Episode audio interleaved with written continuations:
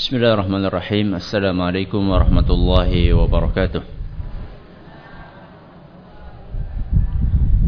الحمد لله رب العالمين وبه نستعين على أمور الدنيا والدين وصلى الله على نبينا محمد وعلى آله وصحبه أجمعين أما بعد Kita panjatkan puja dan puji syukur kehadirat Allah Tabaraka wa Ta'ala.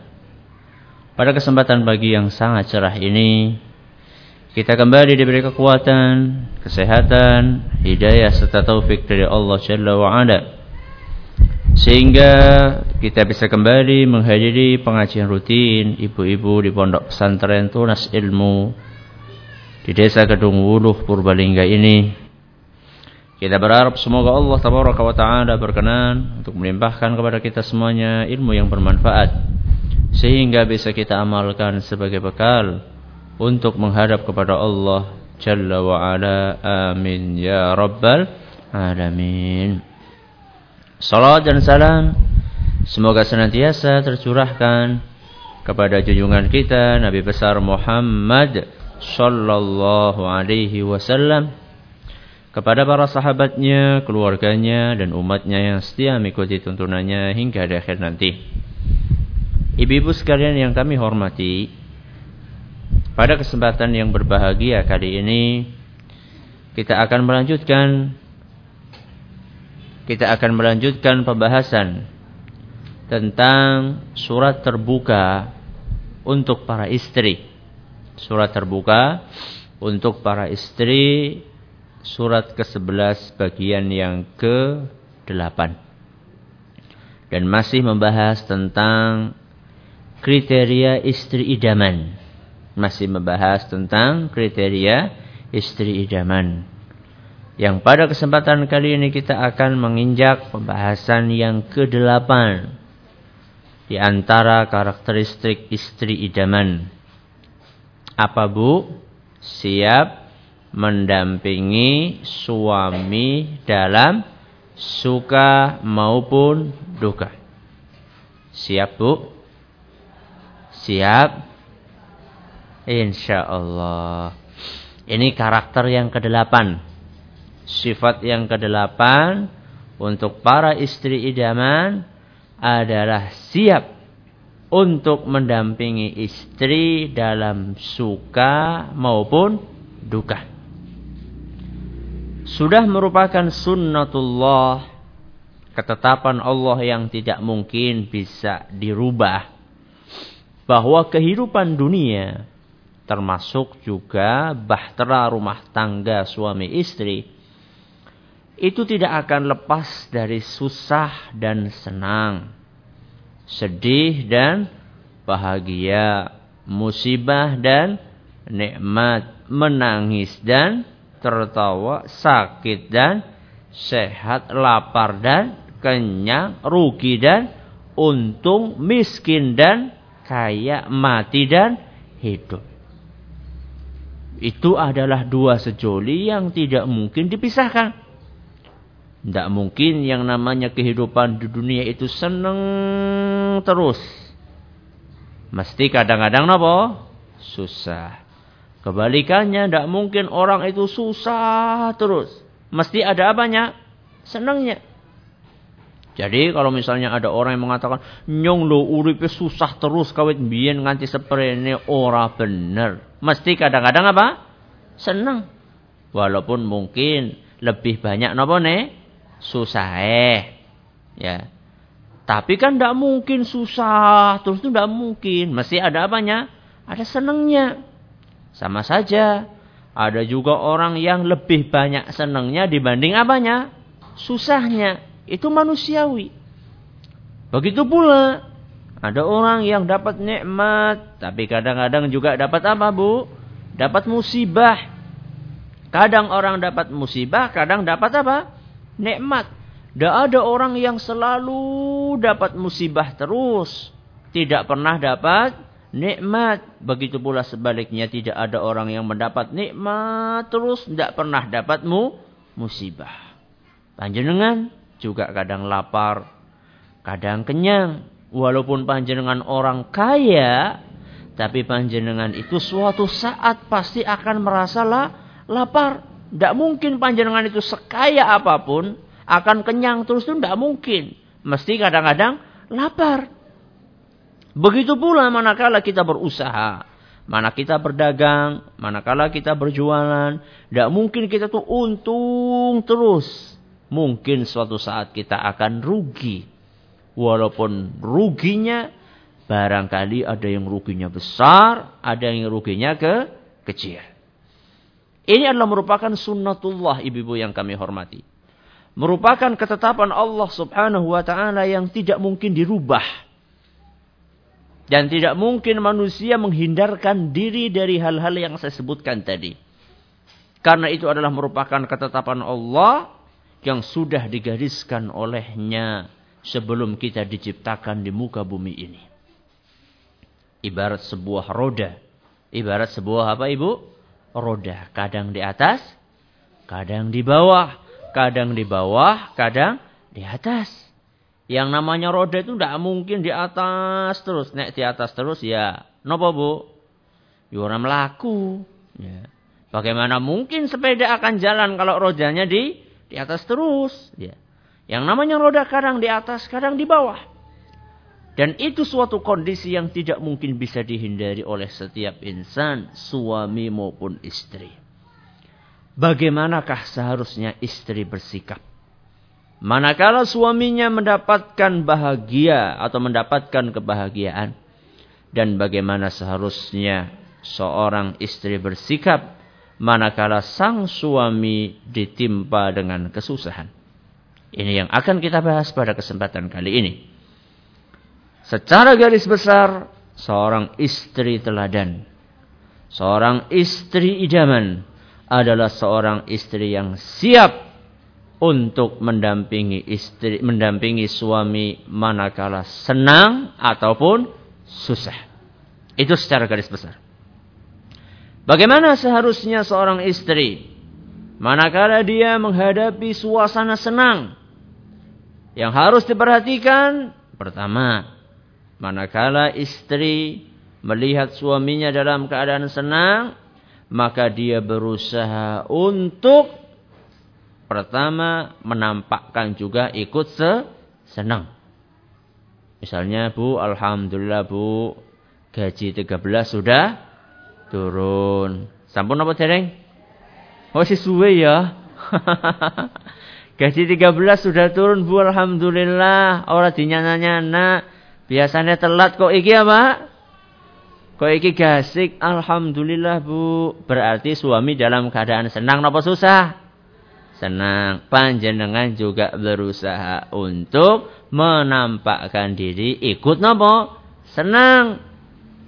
Walaupun saat itu mungkin panjenengan punya masalah. Mungkin saat itu panjenengan punya masalah. Entah itu masalah anak atau masalah yang lainnya. Tapi panjenengan detik itu manakala panjenengan melihat suami panjenengan dalam keadaan bahagia, maka usahakan tampakkanlah kebahagiaan panjenengan walaupun mungkin hanya dari mimik muka panjenengan saja. Padahal sebenarnya hati panjenengan nangis karena punya permasalahan. Dan ini hal yang pertama. Kenapa? Karena kita berper, perlu berpartisipasi. Manakala kita senang, kemudian orang lain ikut senang, maka kebahagiaan kita akan sempurna.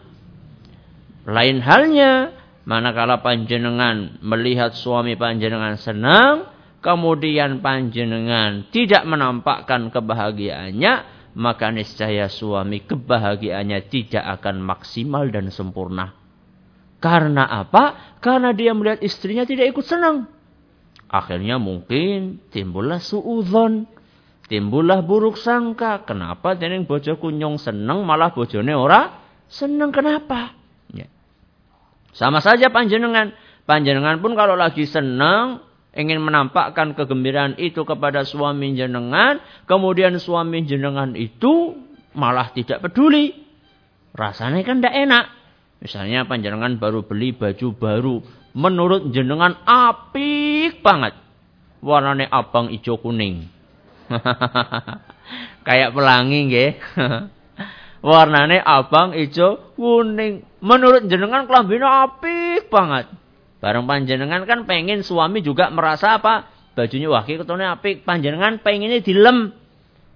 Panjenengan pengennya dilem dipuji sama suami dan panjenengan sudah memperkirakan, wah iki ketone nyong nganggo klambi iki nang arep suamiku, ketone suamiku seneng banget. Jebule begitu panjenengan pakai baju itu mak jreng di hadapan suami jenengan, malah suami jenengan lobo kuwi badut apa apa. Pripun panjenengan Bu? Senang napa sedih? Sedih. Kenapa? Karena panjenengan berharap Manakala panjenengan senang, suami juga juga ikut se senang. Sehingga berpadulah antara dua kebahagiaan. Kebahagiaan suami dan kebahagiaan istri. Begitulah seharusnya. Manakala kita melihat roman muka suami kita itu terlihat senang. Panjenengan coba sambut dengan katakan, Masya Allah Pak, wajahmu kok berseri-seri, bersinar ibarat sang surya. Wah, wow. jadi puitis kayak gini Mas, dan panjenengan kok ketemu seneng banget anak apa jadi bagi-bagilah.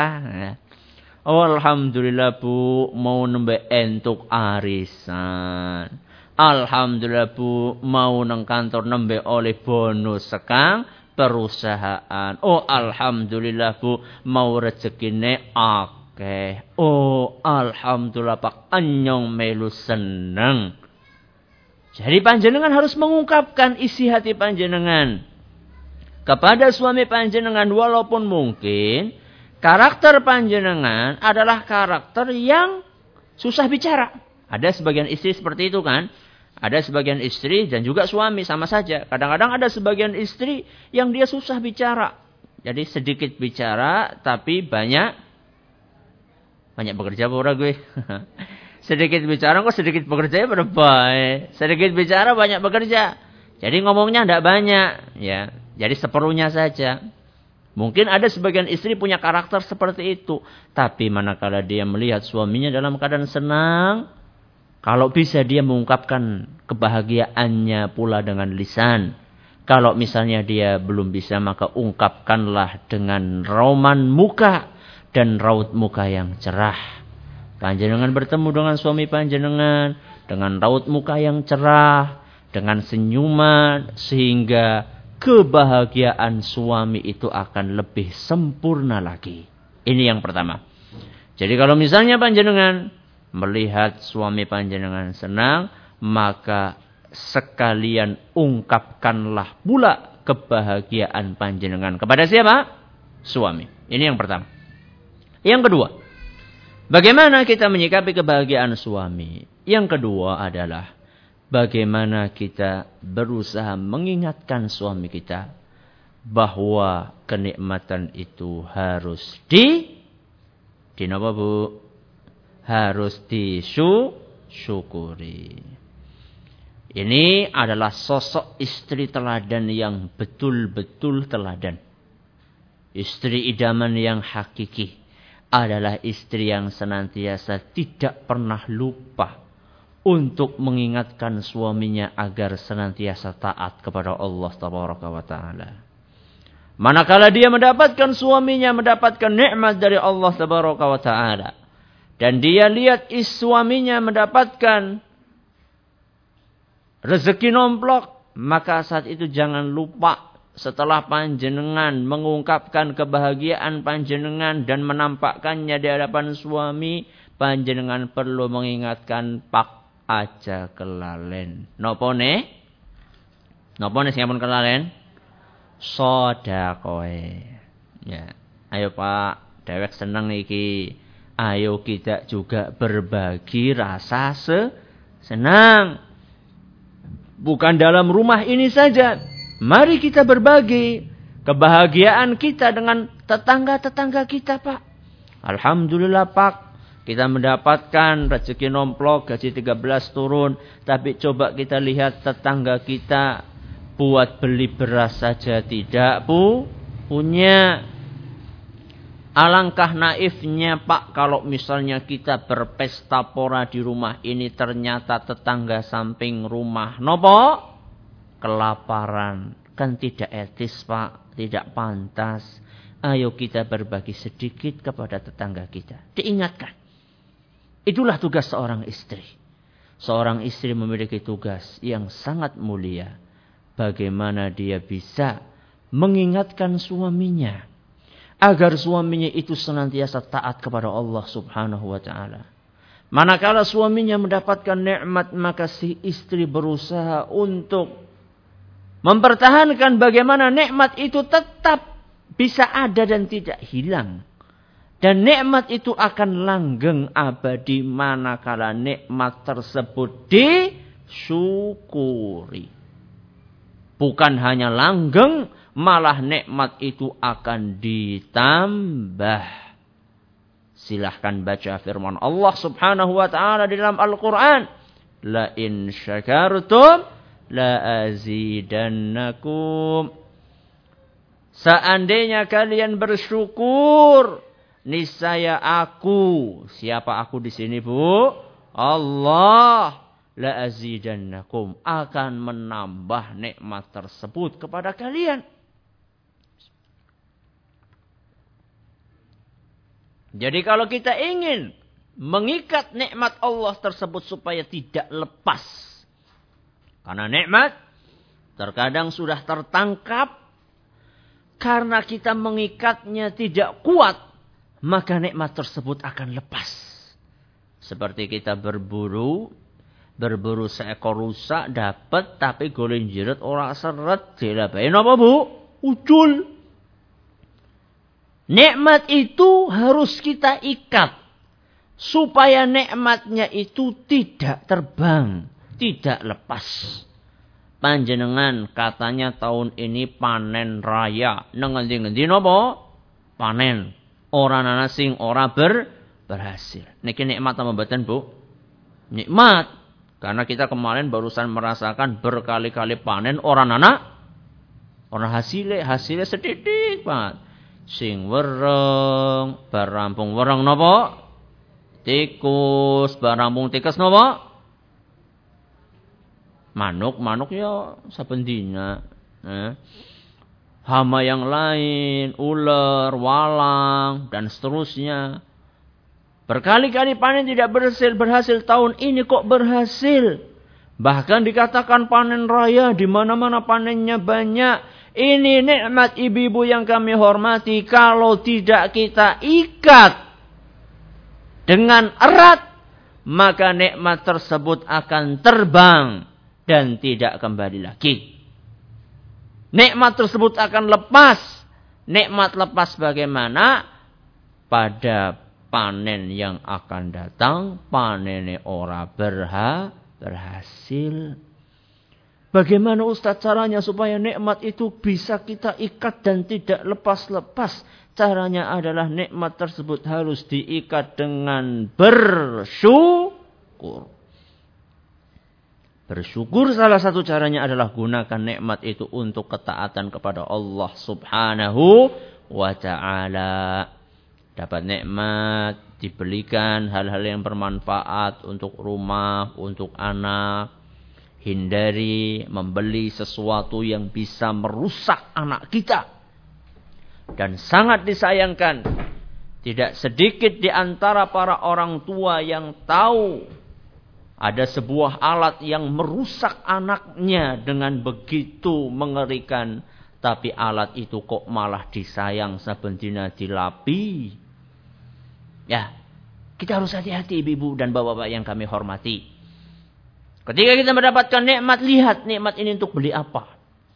Kemudian setelah kita membeli hal-hal yang bermanfaat, jangan lupa ada hak orang lain di dalam nikmat tersebut. Sisihkan sebagian harta kita. Supaya orang lain juga merasakan nikmat yang kita rasakan. Allah subhanahu wa ta'ala berfirman, Wa amma bi ni'mati rabbika fahaddith. Manakala engkau mendapatkan nikmat dari Allah Subhanahu wa taala maka ceritakanlah. Niki minimal nggih Bu. Minimal panjenengan ceri, cerita. Ya, jangan kayak sebagian orang. Nek oleh nikmat aja cerita-cerita ya. Nek ramane oleh arisan mbok pada ngutang. Sudah wanti-wanti itu, ya, sudah wanti-wanti kepada istri, kepada anak-anak, aja ngasih anak sing cerita lo, nek ramane oleh bonus. Aja ngasih anak sing cerita lo, nek bapaknya oleh undian. Ya, mbok pada teka, pada ngutang, engko pada balik. Ya. Tapi giliran dapat musibah, masya Allah, kabehan ngerti. Anukur kecetit, setitik, wong se-RT ngerti kabeh. Itulah manusia. Giliran dia mendapatkan nikmat dia sembunyikan serapat-rapatnya. Giliran dia mendapatkan musibah dia ceritakan sebesar-besarnya. Beda dengan para nabi dahulu ibu-ibu yang kami hormati. Kalau para nabi terdahulu mereka mendapatkan musibah, mereka mengadunya hanya kepada siapa? Allah. Sebagaimana kisahnya Nabi bapaknya Nabi Yusuf. Sinten? Nabi sinten? Bapaknya Nabi Yusuf.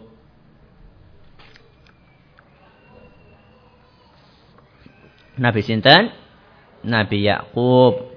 Nabi Yakub ujiannya nopo Bu? Hah? Nopo ujiannya? Sakit kulit kalau sakit kulit itu bukan Nabi Yakub, Nabi Sinten? Nabi Ayub. Ujiannya Nabi Yakub kehilangan siapa? Putranya yang paling disayangi Sinten? Nabi Yusuf. Wis kelangan Nabi Yusuf, kelangan maning putrane setunggal malih sinten? Bunyamin. Wabiyaddat ainahu. Kata Allah dalam Al-Quran. Matanya itu sampai putih, Bu. Nanti putih. Orang ireng-ireng maning. Saking le nangisi usah bendinya. Akhirnya ditegur oleh sebagian anak-anaknya. Arab nangis nganti kapan? Kata Nabi Yaakob, Innama ashku bathi wa huzni ilallah saya itu ketika mendapatkan musibah, mendapatkan cobaan itu ngadunya kepada siapa bu? Allah. Jadi saya nangis ini saya nggak ngadu sama kalian. Saya nangisnya itu ngadu sama Allah. Itulah para nabi. Jadi mereka manakala mendapatkan musibah. Mereka mengadu kepada Allah. Manakala mereka mendapatkan nikmat. Maka mereka berusaha untuk membagi-bagikan kepada orang lain. Itulah tugasnya seorang istri. Jadi manakala suami dalam keadaan suka, yang pertama istri berusaha untuk menampakkan kegembiraan juga di hadapan suaminya. Yang kedua, mengingatkan suami untuk bersyukur.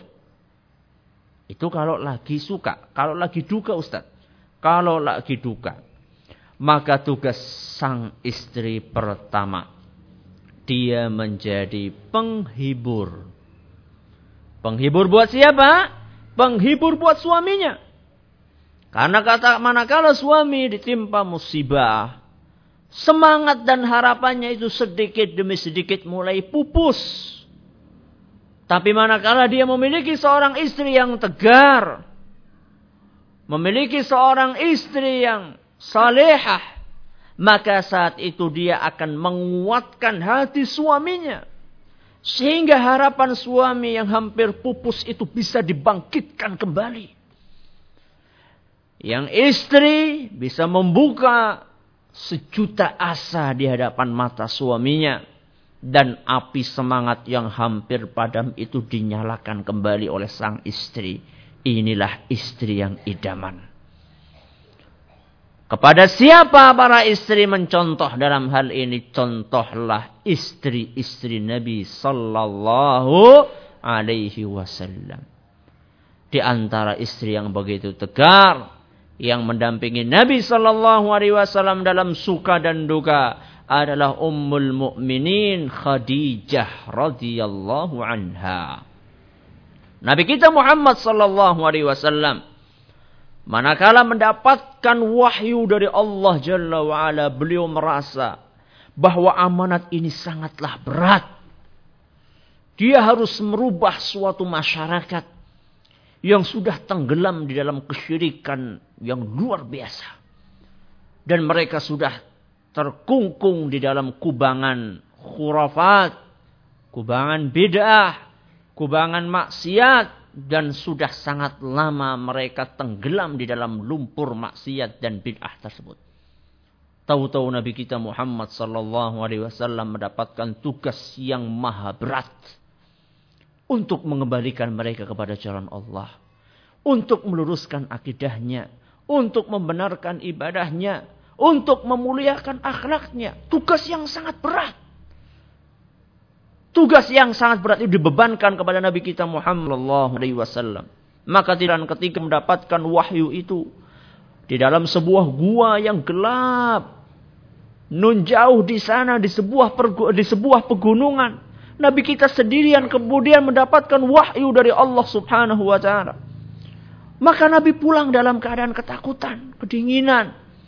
Begitu beliau pulang sampai di rumahnya langsung kedinginan Nabi Shallallahu Alaihi Wasallam disambut dengan kehangatan dari Khadijah radhiyallahu anha. Begitu Nabi SAW datang, beliau langsung berkata, Zammiluni, zammiluni, selimutilah aku, selimutilah aku. Khadijah radhiyallahu anha, sebagai seorang istri teladan, sebagai seorang istri idaman, beliau segera cekatan menyelimuti Nabi kita Muhammad sallallahu alaihi wasallam, menghibur beliau, duduk di samping beliau, setia. Manakala Nabi sallallahu alaihi wasallam dalam keadaan susah, Khadijah radhiyallahu anha tetap setia di sisi Nabi sallallahu alaihi wasallam. Sampai kemudian Nabi kita sallallahu alaihi wasallam mencurahkan isi hatinya kepada Khadijah, "Wahai Khadijah, akhsha ala nafsi Khadijah, saya takut dengan keselamatan diriku. Tugasku sangat berat. Apakah nanti kaumku bisa menerima tugas mulia ini? Apakah nanti aku tidak akan disakiti oleh kaumku? Apakah nanti aku tidak diusir oleh kaumku? Apakah nanti aku tidak dibunuh oleh mereka? Maka Khadijah radhiyallahu anha sebagai seorang istri teladan, beliau berkata, "Kalla wallah, demi Allah tidak mungkin wahai suamiku." Tidak mungkin, tidak perlu khawatir engkau. Ma yukhzikallahu abadan. Allah tidak akan pernah menghinakanmu wahai suamiku. Kenapa? Innaka latasilur rahim. Sebab engkau adalah orang yang rajin bersilaturahmi. Wa tahmilul kalla. Engkau juga gemar untuk meringankan beban orang lain. Wa taksibul ma'dum. Engkau juga memberi orang lain sesuatu yang tidak mereka dapatkan kecuali dari dirimu. Wa.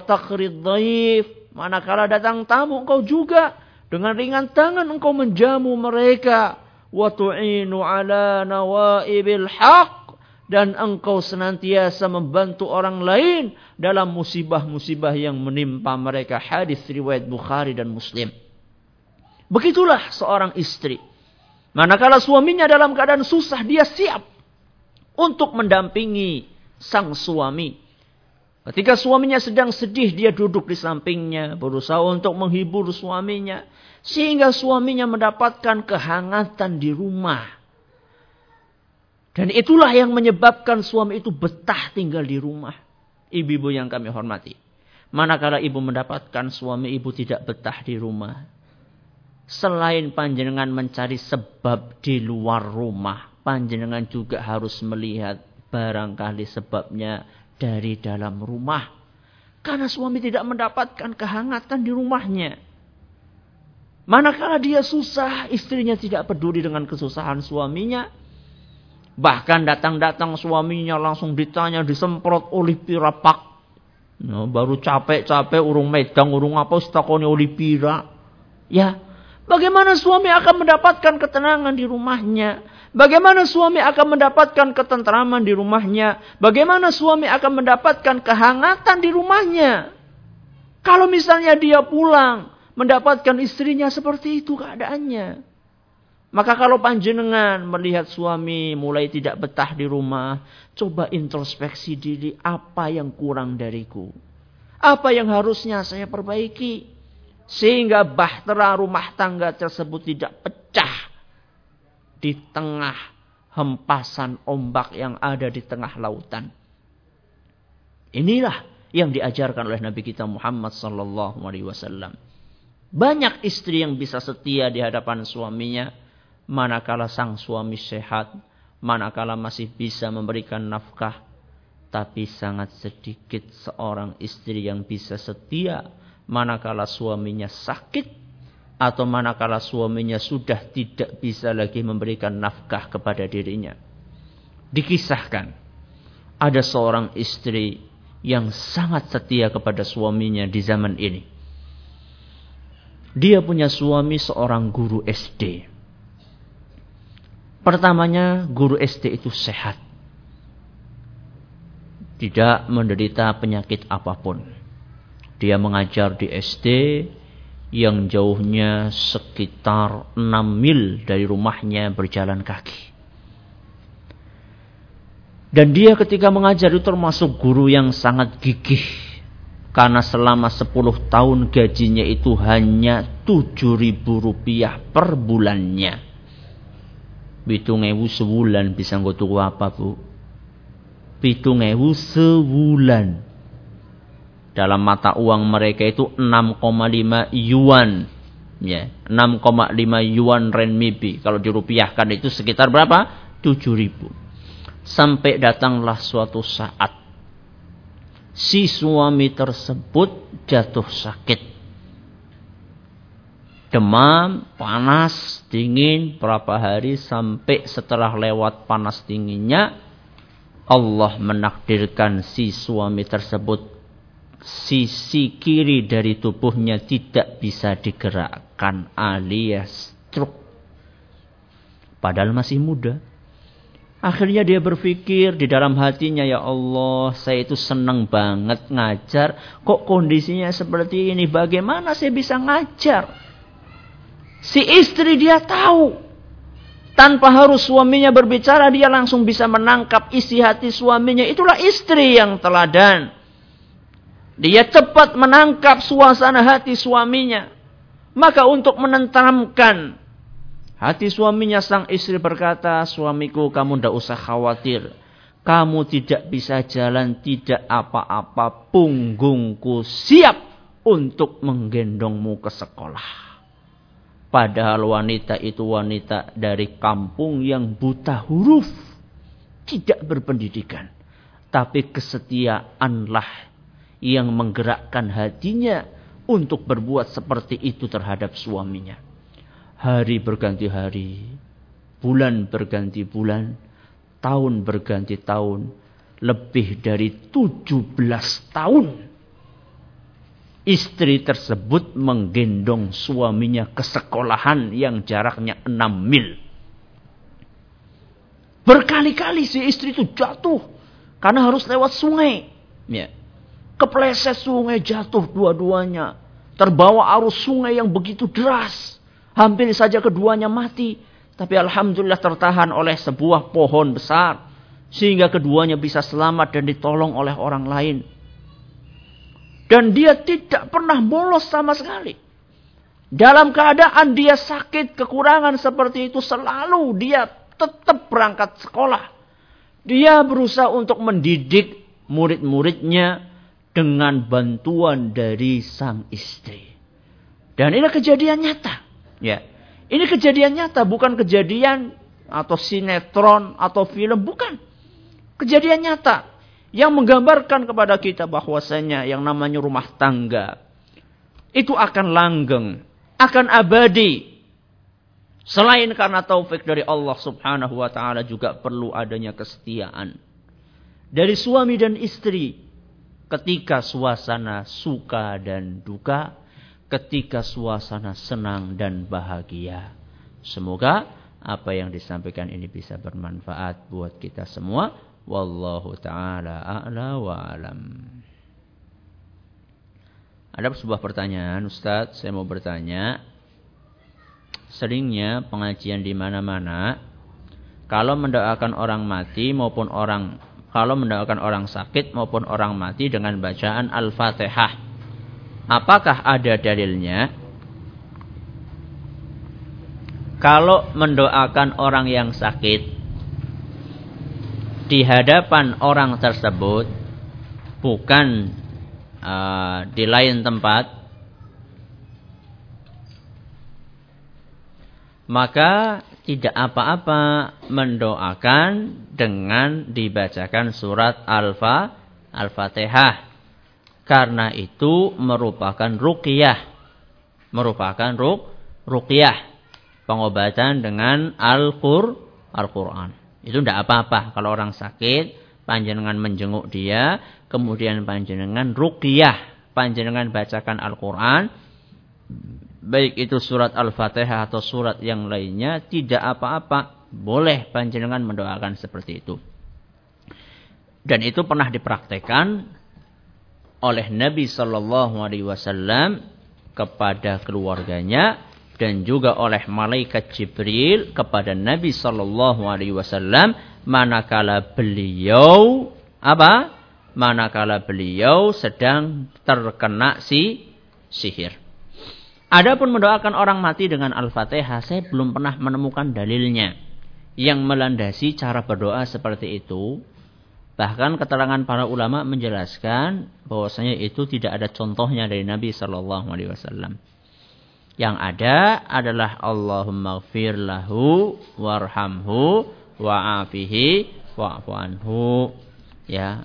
Allahumma gfir li wa liwa lidayya warhamhuma kama rabbayani saghira.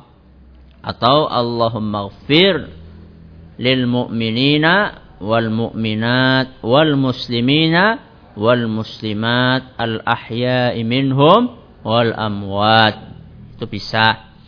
Ya banyaklah doa-doa yang diajarkan oleh Nabi SAW baik dalam hadis Nabi SAW ataupun apa yang disebutkan oleh Allah dalam Al-Quran. Ya bisa dibaca itu. Kemudian ada pertanyaan, setahu saya mendoakan orang mati dan orang sakit ada doanya sendiri. Misalnya mendoakan orang mati, Allahumma firlahu. Mana yang benar? Ya tadi sudah saya jelaskan di muka tadi. Bolehkah wanita berolahraga renang di kolam renang umum meskipun berpakaian renang muslimah namun semua pakaian renangnya ketat dan renangnya bersama suami dan anak? Apakah sebaiknya olahraga yang lain? Karena di Purbalingga belum ada hari khusus untuk renang wanita seperti di Jogja dan Bandung. Berenang itu boleh buat putra maupun pu, putri. Tapi kalau putra putri cukup dengan orang-orang yang satu mahram saja. Yaitu suami, eh, yaitu suami saja. Kalau misalnya renang ini bisa panjangan berenang sama suami. Walaupun tidak pakai pakaian renang muslimah, orang apa-apa. Kalau berenangnya sama siapa? Sama suami, itu tidak masalah. Nah sekarang kalau misalnya berenang di tempat umum, maka tidak sepantasnya. Bahkan tidak boleh. Walaupun pakai pakaian renang mus, muslimah. Karena pakaian renang muslimah bu, pakaiannya itu ketat Ya, jadi bisa menampakkan lekuk-lekuk tubuhnya. Jadi ya pada baik kayak ora, ayah kayak ora apa? Kayak ora kelamben. Ya. Dan itu sudah diingatkan oleh Nabi kita sallallahu alaihi wasallam sinfani min ahli nari lam arahumal yaum. Ada dua jenis penduduk neraka yang belum saya lihat pada zamanku ini. Jadi Nabi SAW bercerita ada dua jenis calon penghuni neraka yang belum saya lihat pada zamanku ini. Salah satunya kasiyatun ariyatun. Kata Nabi SAW, wanita yang berpakaian tapi telanjang. Loh, wanita yang berpakaian tapi telanjang. Si kepriwe bunga klambi kok muda. Pripun maksudnya bu? Ya niku mau. Klambinya straight apa istilahnya celananya celana apa? Apa? Pensil. Iya. Eh? Legi ya. Le, ya siapa lah ngono lah. si penting celana sing ketat. Nah. Atau kalau pakai baju ketat, waduh itu pada baik gue malah engkau jadi tambah penasaran. Ya, duh kayak ketat si yang apa jerone naudzu billah. Apakah rizki Apakah rizki yang dapat dari hutang itu termasuk rizki yang baik? Benarkah hutang bisa mendatangkan musibah hidup dan musibah mati? Benarkah hutang bisa menghalangi masuk surga? Jawabannya hutang itu boleh kalau dibu dibutuhkan. Kalau tidak dibutuhkan, kalau dijadikan hobi itu tidak bo boleh. Ada orang punya hobi apa? Ngutang, hobi kok ngutang. Iya nek bayar. Nah, kadang-kadang nah, tidak mau bayar. Nah, orang yang tidak mau bayar itulah yang akan mendatangkan musibah hidup dan musibah mati. Ya, yang tidak mau bayar padahal dia mam mampu. Ya, kalau misalnya dia dalam keadaan butuh ya, tidak apa-apa, silahkan. Tapi dia berusaha untuk membayar. Mari kita dengarkan pertanyaan dari saya dengarkan dulu pertanyaan dari para pendengar radio Bas FM di Solo Tigo. Nah, Ustaz, jazakallahu khairan. Ada satu pertanyaan datangnya dari Ummu Salman di Salatiga. Assalamualaikum Ustadz. Ustadz, apakah seorang istri yang ingin kona'ah terhadap pemberian suami sekalipun suami punya kelebihan dan si istri harus menahan keinginan terhadap keinginan tersebut dan tidak suka meminta cukup menerima apa adanya Ustadz? Demikian. Ada sebuah pertanyaan dari uh, pendengar Radio Bas FM saudara kita di Solo Tigo. Katanya bagaimana dengan seorang istri yang dia ingin konaah dengan pemberian suaminya. Padahal dia tahu suaminya itu orang yang berada. Sehingga dia si istri itu berusaha untuk menahan minta sesuatu-sesuatu kepada suaminya. Tergantung. Apakah suaminya itu memenuhi hak sebagai seorang suami kepada istrinya berupa nafkah dengan cara yang ma'ruf. Yaitu dengan cara yang umumnya ukuran wanita seperti dia di daerahnya atau tidak. Seandainya si wanita tersebut mendapatkan nafkah sudah dengan cara yang ma'ruf, maka ya sudah, dia harus menerima apa yang diberikan oleh suaminya. Tapi seandainya si suami itu memberikannya tidak dengan cara yang ma'ruf, maka si, si istri satu berhak untuk menuntut haknya kepada siapa? Pada suami karena dia tahu suaminya mam, mampu. Lain halnya seandainya suaminya tidak mampu. Maka saat itu seharusnya seorang istri berusaha untuk memahami kondisi suaminya. Cuman kadang-kadang sebagian wanita itu tidak bisa membedakan mana kebutuhan primer, mana kebutuhan sekunder. Ya, mana kebutuhan primer, mana kebutuhan sekunder. Dikiranya primer jebule nopo? Sekunder. Maka yang seperti ini sebaiknya seorang istri menghindarkan diri dari terlalu berbanyak-banyak untuk menuntut suami memenuhi kebutuhan-kebutuhan sekunder. Apalagi seandainya suaminya pas-pasan. Monggo ada yang lain silahkan. Baik, ya, jazakallahu khairan. Ini ada pendengar dari Demak. Ustadz saya melarang anak dan istri saya untuk menonton TV dan Alhamdulillah semua menurut dan berjalan sampai sekarang. Apakah sikap ini saya berlebihan Ustadz? Mohon solusinya Ustadz. Tafadil. Ada sebuah pertanyaan, saya seorang suami, saya melarang anak istri saya untuk nonton TV sampai sekarang dan suami eh, dan istri anak saya nurut. Apakah ini termasuk sikap yang berlebihan? Tergantung. Yang tidak boleh ditonton apa? Ya, kalau misalnya yang tidak boleh ditonton sesuatu yang negatif, maka tidak berlebihan. Bahkan itu sesuatu yang baik dan harus dilakukan. Ya, kalau misalnya Anda sebagai seorang suami, kemudian Anda melihat anak istri Anda melihat tontonan yang tidak sepantasnya ditonton, panjenengan itu harus mengingatkan mereka. Bukan malah dibiarkan apalagi nimbrung nonton ya. Tidak berlebihan. Tapi kalau misalnya acaranya acara yang positif eh, pengetahuan yang ada manfaatnya tidak apa-apa untuk nonton cuman Sekarang kalau misalnya kita prosentasekan acara TV antara yang negatif dengan yang positif, banyak apanya? Banyak negatifnya. Kalau panjenengan merasa tidak bisa memberikan pendampingan dan pengawasan kepada istri dan suami, kepada istri dan anak, karena panjenengan tidak selalu berada di rumah dan bekerja di luar, maka cari selamat saja. Kalau saya sih mendingan orang sana TV nang rumah. Ya, alhamdulillah ya bocah-bocah bisa bermain dengan enjoy, saya belikan mainan yang kira-kira tidak merusak mereka. Ini pertanyaan dari beberapa pendengar dari Radio Bas FM dan kita tutup dengan eh, pertanyaan dari salah seorang ibu yang saya jawab sebagian saja tentang arisan apa hukumnya? Boleh dalam Islam. Tidak apa-apa arisan itu dalam Islam. Asalkan apa? Asalkan nganti rampung. Nah wis oleh terus metu. Nah roleh gue ya. Nah arisan yang nganti apa nanti rampung. Yang lain-lainnya nanti aja ini mungkin belum belum bisa saya jelaskan. Terima kasih atas segala perhatiannya. Mohon maaf atas segala kekurangannya. Kita tutup dengan membaca subhanakallahumma wa bihamdika asyhadu an la ilaha illa anta astaghfiruka wa atubu ilaik. Wassalamualaikum warahmatullahi wabarakatuh.